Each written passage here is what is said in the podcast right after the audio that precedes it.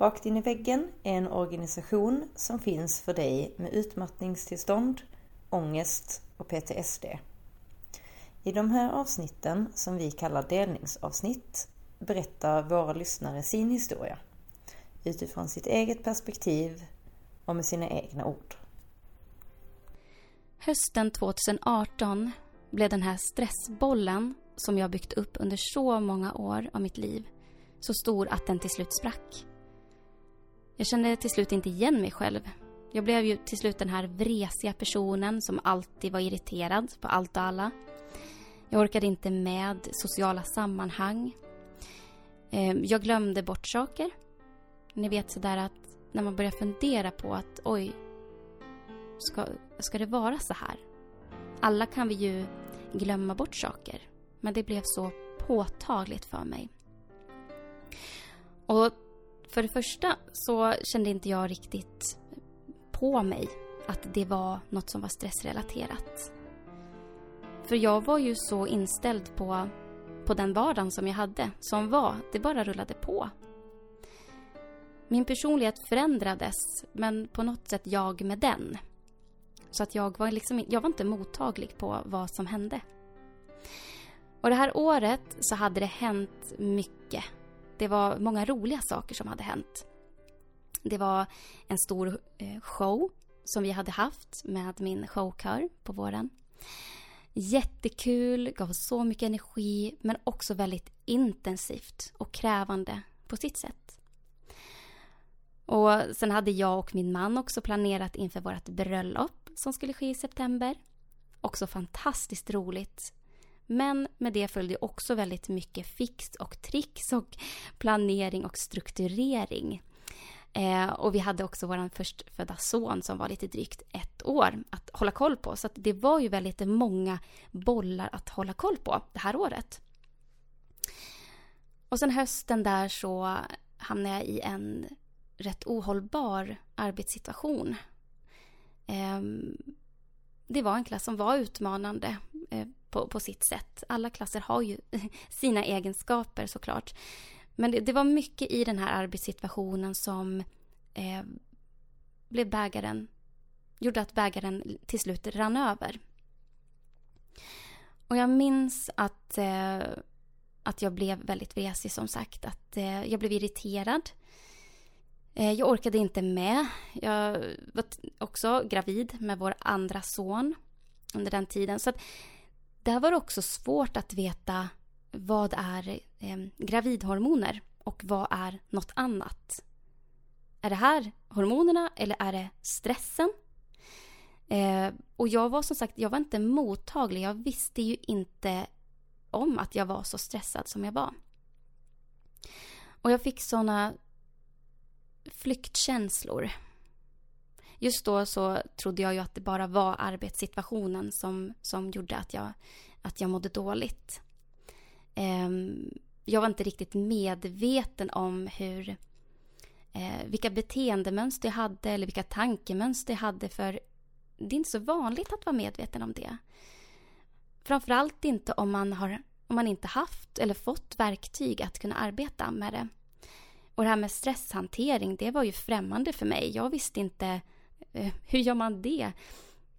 Ja, visst, man kan göra avslappningsövningar, men jag, jag, jag hade inte den kunskap, jag hade inte den insikten och var framförallt inte mottaglig. För jag var så pass inne i den här stressbollen som, som var så stor vid det här laget.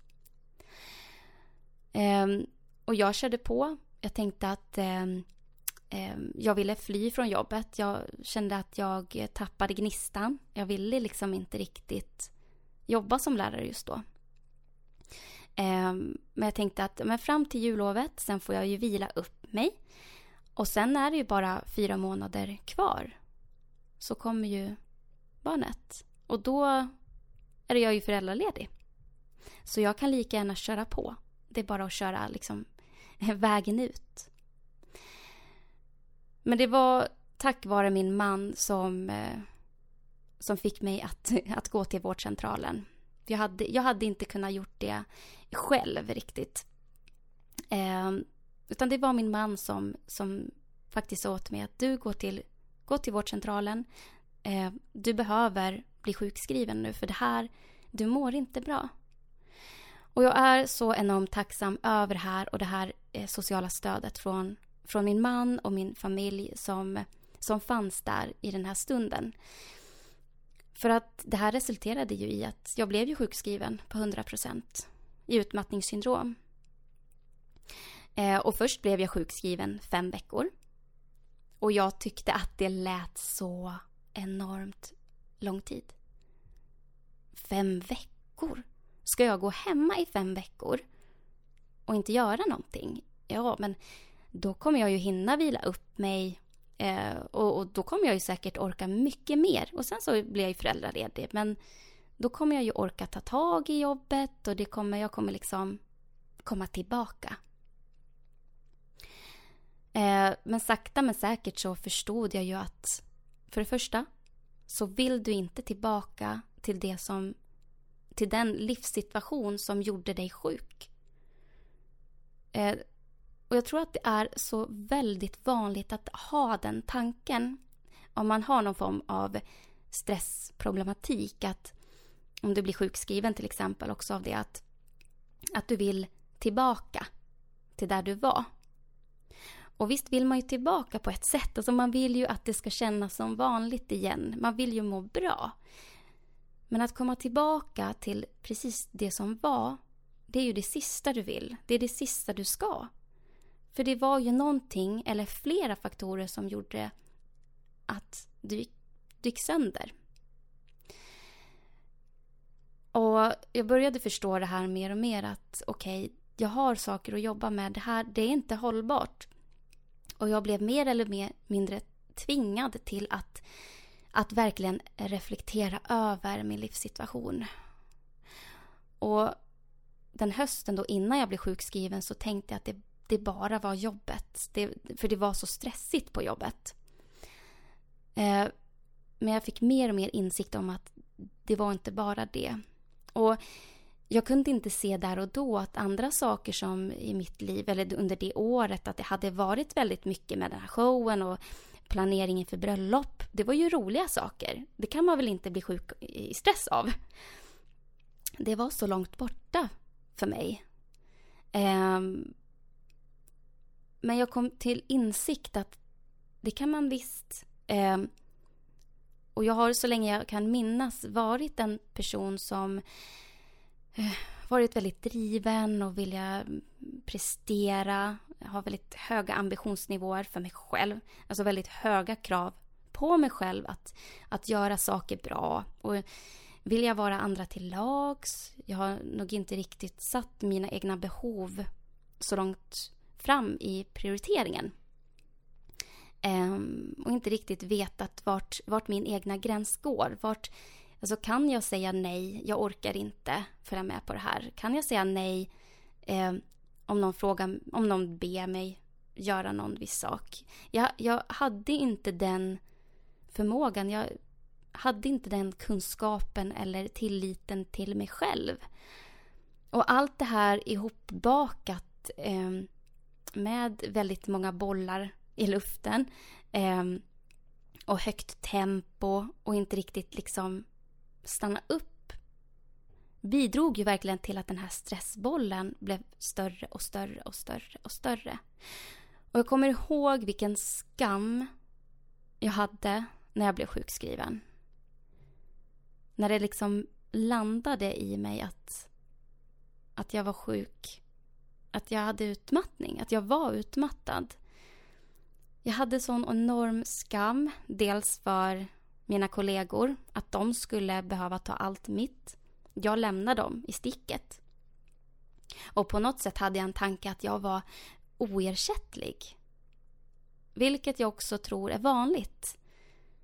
Man tänker att eh, man, man är inte ersättlig och man behöver liksom vara där. Men sen inser man att det, livet går liksom vidare. Det är ingen som kommer tacka dig för att du du gör sönder dig själv, mer eller mindre. Eh, vi hade skam för det och jag hade väldigt stor skam över att jag inte orkade vara den här roliga mamman. Eh, eller eh, frun som, alltså, jag orkade inte göra sysslor hemma, hushållssysslor, eh, sådana här sociala sammanhang orkade jag inte med. Jag minns tydligt en gång när jag var hemma hos mamma. Vi satt och pratade i köket.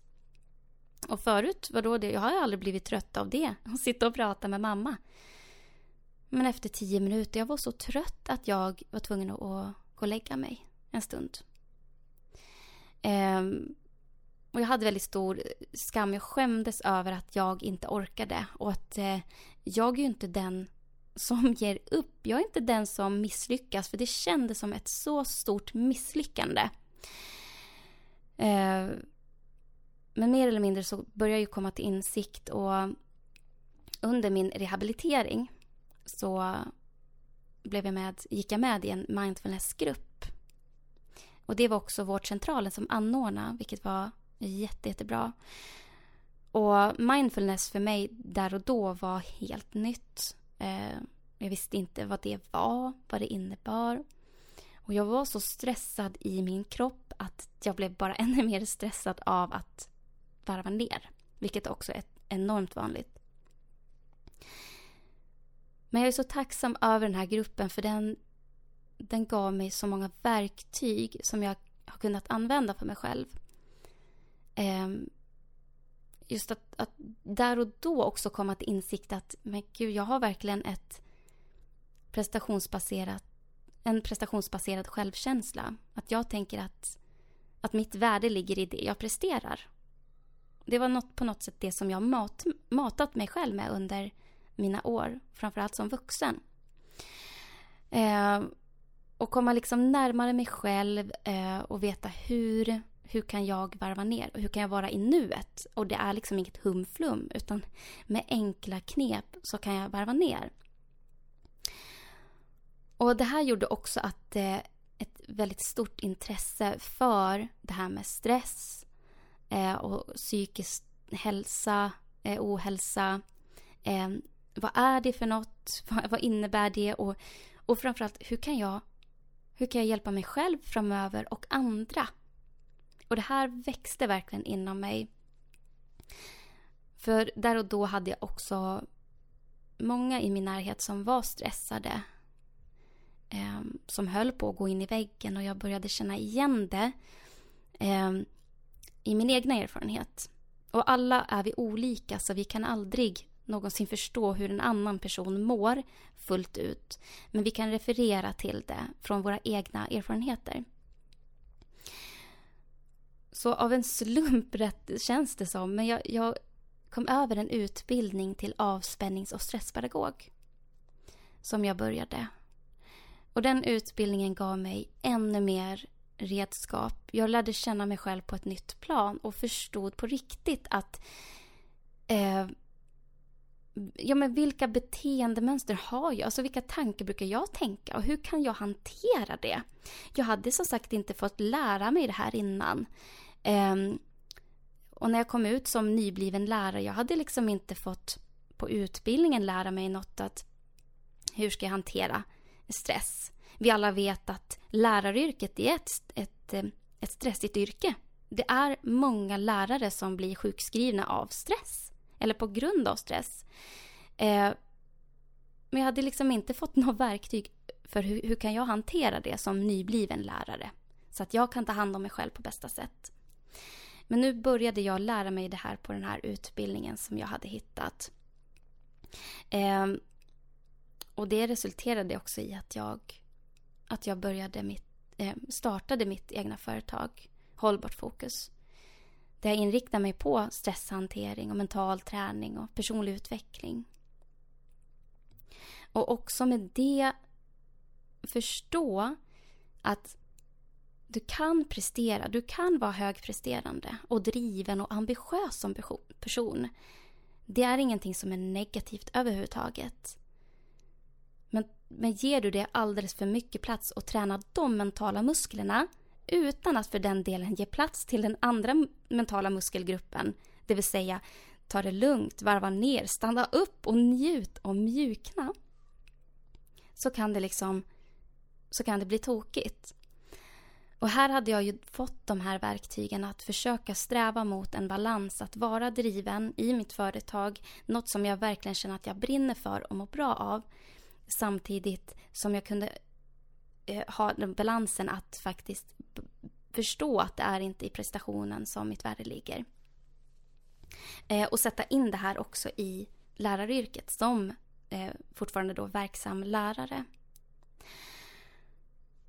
Och det som var intressant också, det var ju att det här som jag då pratar om nu, att, eh, att träna de här mentala musklerna, att, att eh, ja, men förstå att, att jag behöver faktiskt stanna upp och jag behöver njuta av de framsteg jag gör oavsett hur stora eller små de är. Och eh, bli medveten om hur, hur jag pratar med mig själv, alltså mitt inre språk. Är jag väldigt hård mot mig själv hela tiden? Eh, kan jag se, eh, försöka liksom lätta på trycket och, och, vara snäll mot mig själv också, rent verbalt? Eh, så, så var det väldigt intressant för när jag hade en föreläsning om det här med, eh, med höga krav då och eh, prestation, ambition och stresshantering för eh, några lärarstudenter så kom det fram att eh, det här med stresshantering, det, det pratas liksom inte om det på lärarutbildningen än idag. Eh, det finns eh, många kurser fristående kurser som, som lärarstudenter kan gå och även andra studenter eh, som kan gå på kvällstid och sånt där som handlar om stress. Eh, men det finns ingenting som ingår i själva utbildningen. Och de här lärarstudenterna, de sa det att eh, det är så sorgligt för att det pratas så mycket om att läraryrket är ett stressigt yrke.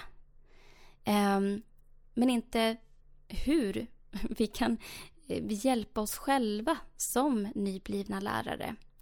Eh, för att liksom sätta oss själva i fokus och eh, så att vi inte hamnar i den här stressbollen. Och personligen tycker jag att det är sorgligt att det inte finns någonting. Att det blir på något sätt en prestige att det ska vara mycket. Det är mycket. Men sen gör vi inte någonting åt det. Och det här tycker jag är väldigt viktigt. Även eh, alltså i alla utbildningar som finns. Och jag känner att de verktyg som jag har fått lära mig i eh, både i den här mindfulnesskursen som jag fick gå på min, alltså under min rehabilitering men även under den här utbildningen till avspännings och stresspedagog. Alla de verktygen önskar jag att jag kunde ha fått alltså, i tidig ålder. Eh, så tidigt som möjligt. Eh, och det är därför jag också känner att det här är så viktigt att prata om. Det är så viktigt att prata om stress och psykisk ohälsa. Eh, men också hur vi kan hjälpa varann. Och jag tänker att om du som lyssnar är lärare. Eh, du kanske studerar till lärare eller en ny lärare, erfaren lärare. Eller om du inte är lärare alls.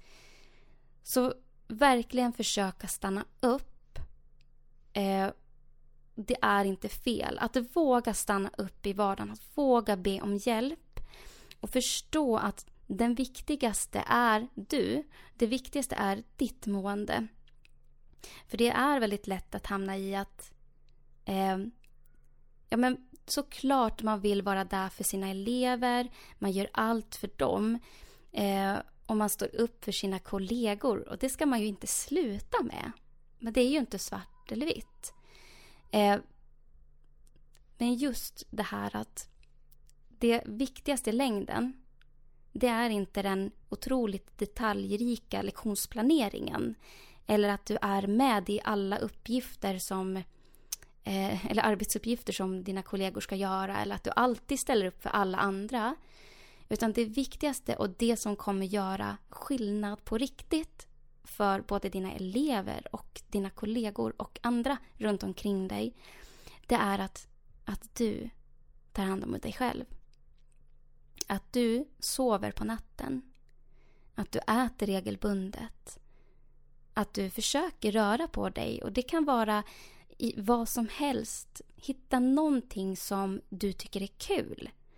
om du älskar att dansa, dansa. Sätt igång en, en låt och shakea loss. Eller gå en promenad. Det finns liksom inga rätt eller fel, utan rör dig på ditt sätt. Eh, och att du tar dig tid till återhämtning och prioriterar det. Det kommer göra skillnad för dina elever. Inte den mest detaljrika lektionsplaneringen som du har gått igenom i detalj eller suttit flera timmar om kvällen eh, att arbeta på. Utan det är att du prioriterar ditt mående för det kommer smitta av sig och inte bara eh, inom arbetet utan rent privat. Eh, dina nära och kära kommer också få ut någonting av det. Men jag tror att det är så lätt att hamna i den här i det här fokuset att eh, man vill vara andra till lags och att det är fult att sätta sig själv först. Men i grund och botten så är det ju inte så. Eh, om du inte visar andra att du tar dig själv på allvar, hur ska andra ta dig på allvar? Eh, respekterar du dig själv så kommer du få respekt av andra också. Eh, och som lärare där det ställs så höga krav, både yttre krav men även de här inre kraven som kan, som kan pocka på, på ens uppmärksamhet. Att, eh, att man ska vara på ett visst sätt som lärare eller eh, man ska göra så bra lektioner som det bara går och man ska ja, eleverna ska älska en eller vad det nu kan vara. Det här är individuellt. Men allt det här som, som verkligen kan, kan bidra till stressen eh, är så viktigt att faktiskt ta tillvara på och, och, och reflektera över. Och än idag, jag jobbar ju som lärare nu och eh, jag har mitt företag vid sidan av också. Så arbetar jag ju med mig själv. Just de här eh, kraven och framförallt gränssättningen. Att som eh, erfaren lärare sätta gränsen för eh, arbetet och privatlivet. För det är väldigt lätt att, att hamna i, du tar med dig arbetet hem för ja, du, du ska rätta prov eller planera någon lektion eller göra någonting annat. Eh, eller det kanske är någon elev som du tänker extra mycket på som, som du funderar på hur kan jag hjälpa den här? Hur kan jag stötta den här eleven på bästa sätt? Så är det väldigt lätt att eh, gränsen mellan privatlivet och arbetslivet suddas ut. Och att det är viktigt här att, att bestämma dig för vart går, din, vart går din gräns? För det behöver inte vara något negativt att sitta hemma och arbeta. Vi, ar, vi fungerar ju olika. Eh, och man kan trivas jättebra med att sitta på kvällarna och arbeta mycket och liksom hålla igång och sådär. Eh, men oavsett om du tycker att det är hur roligt som helst så behöver du stanna upp och du behöver ta dig tid till återhämtning och inte prioritera bort det. Men oavsett vad, då sätta den gränsen. Vart går min gräns? Hur, hur tillgänglig för vårdnadshavarna ska jag vara? Eh, sätt en, gärna en tid. Eh, fram till klockan fyra eh, så gör jag det här. Eller jag svarar på mail under den här tiden. Eller vårdnadshavarna kan nå mig på det här sättet. Och prioritera att faktiskt ta dig tid till återhämtning. Och återhämtning kan ju vara vad som helst. Som jag sa tidigare, det här med rörelse. Att, att det spelar egentligen ingen större roll vad det är, men det ska vara någonting som får dig att må bra. Och återhämtning, det handlar ju mycket om att det kan ge dig energi, att det kan vara någonting som du gör aktivt, men också den här vilan, att låta dig själv komma till ro. Och jag önskar att jag hade haft det här tidigare. Eh, för att då kanske kunna bromsa den här stressbollen som blev så stor. Eh, men det är också lätt att säga så här i efterhand. Men om du känner igen dig i det här, att, att du kanske börjar bygga mer på din, din stressboll. Att stanna upp och bli medveten om det har jättestor betydelse. stanna upp och gör några andningsövningar då och då. Ta ett medvetet andetag. Det är bättre än att, att hålla andan hela tiden. Och jag hoppas att min egna resa av det här med stress kan ge dig någonting. För dig som lyssnar att om du känner igen dig själv i det här eller om du inte känner igen dig själv men kanske ändå fått någon slags insikt. Att vara snäll mot dig själv. Och inse att det som är viktigt på riktigt, det är du. Det som gör skillnad i längden, det är du. Hur du mår. För du är faktiskt den viktigaste personen i ditt liv.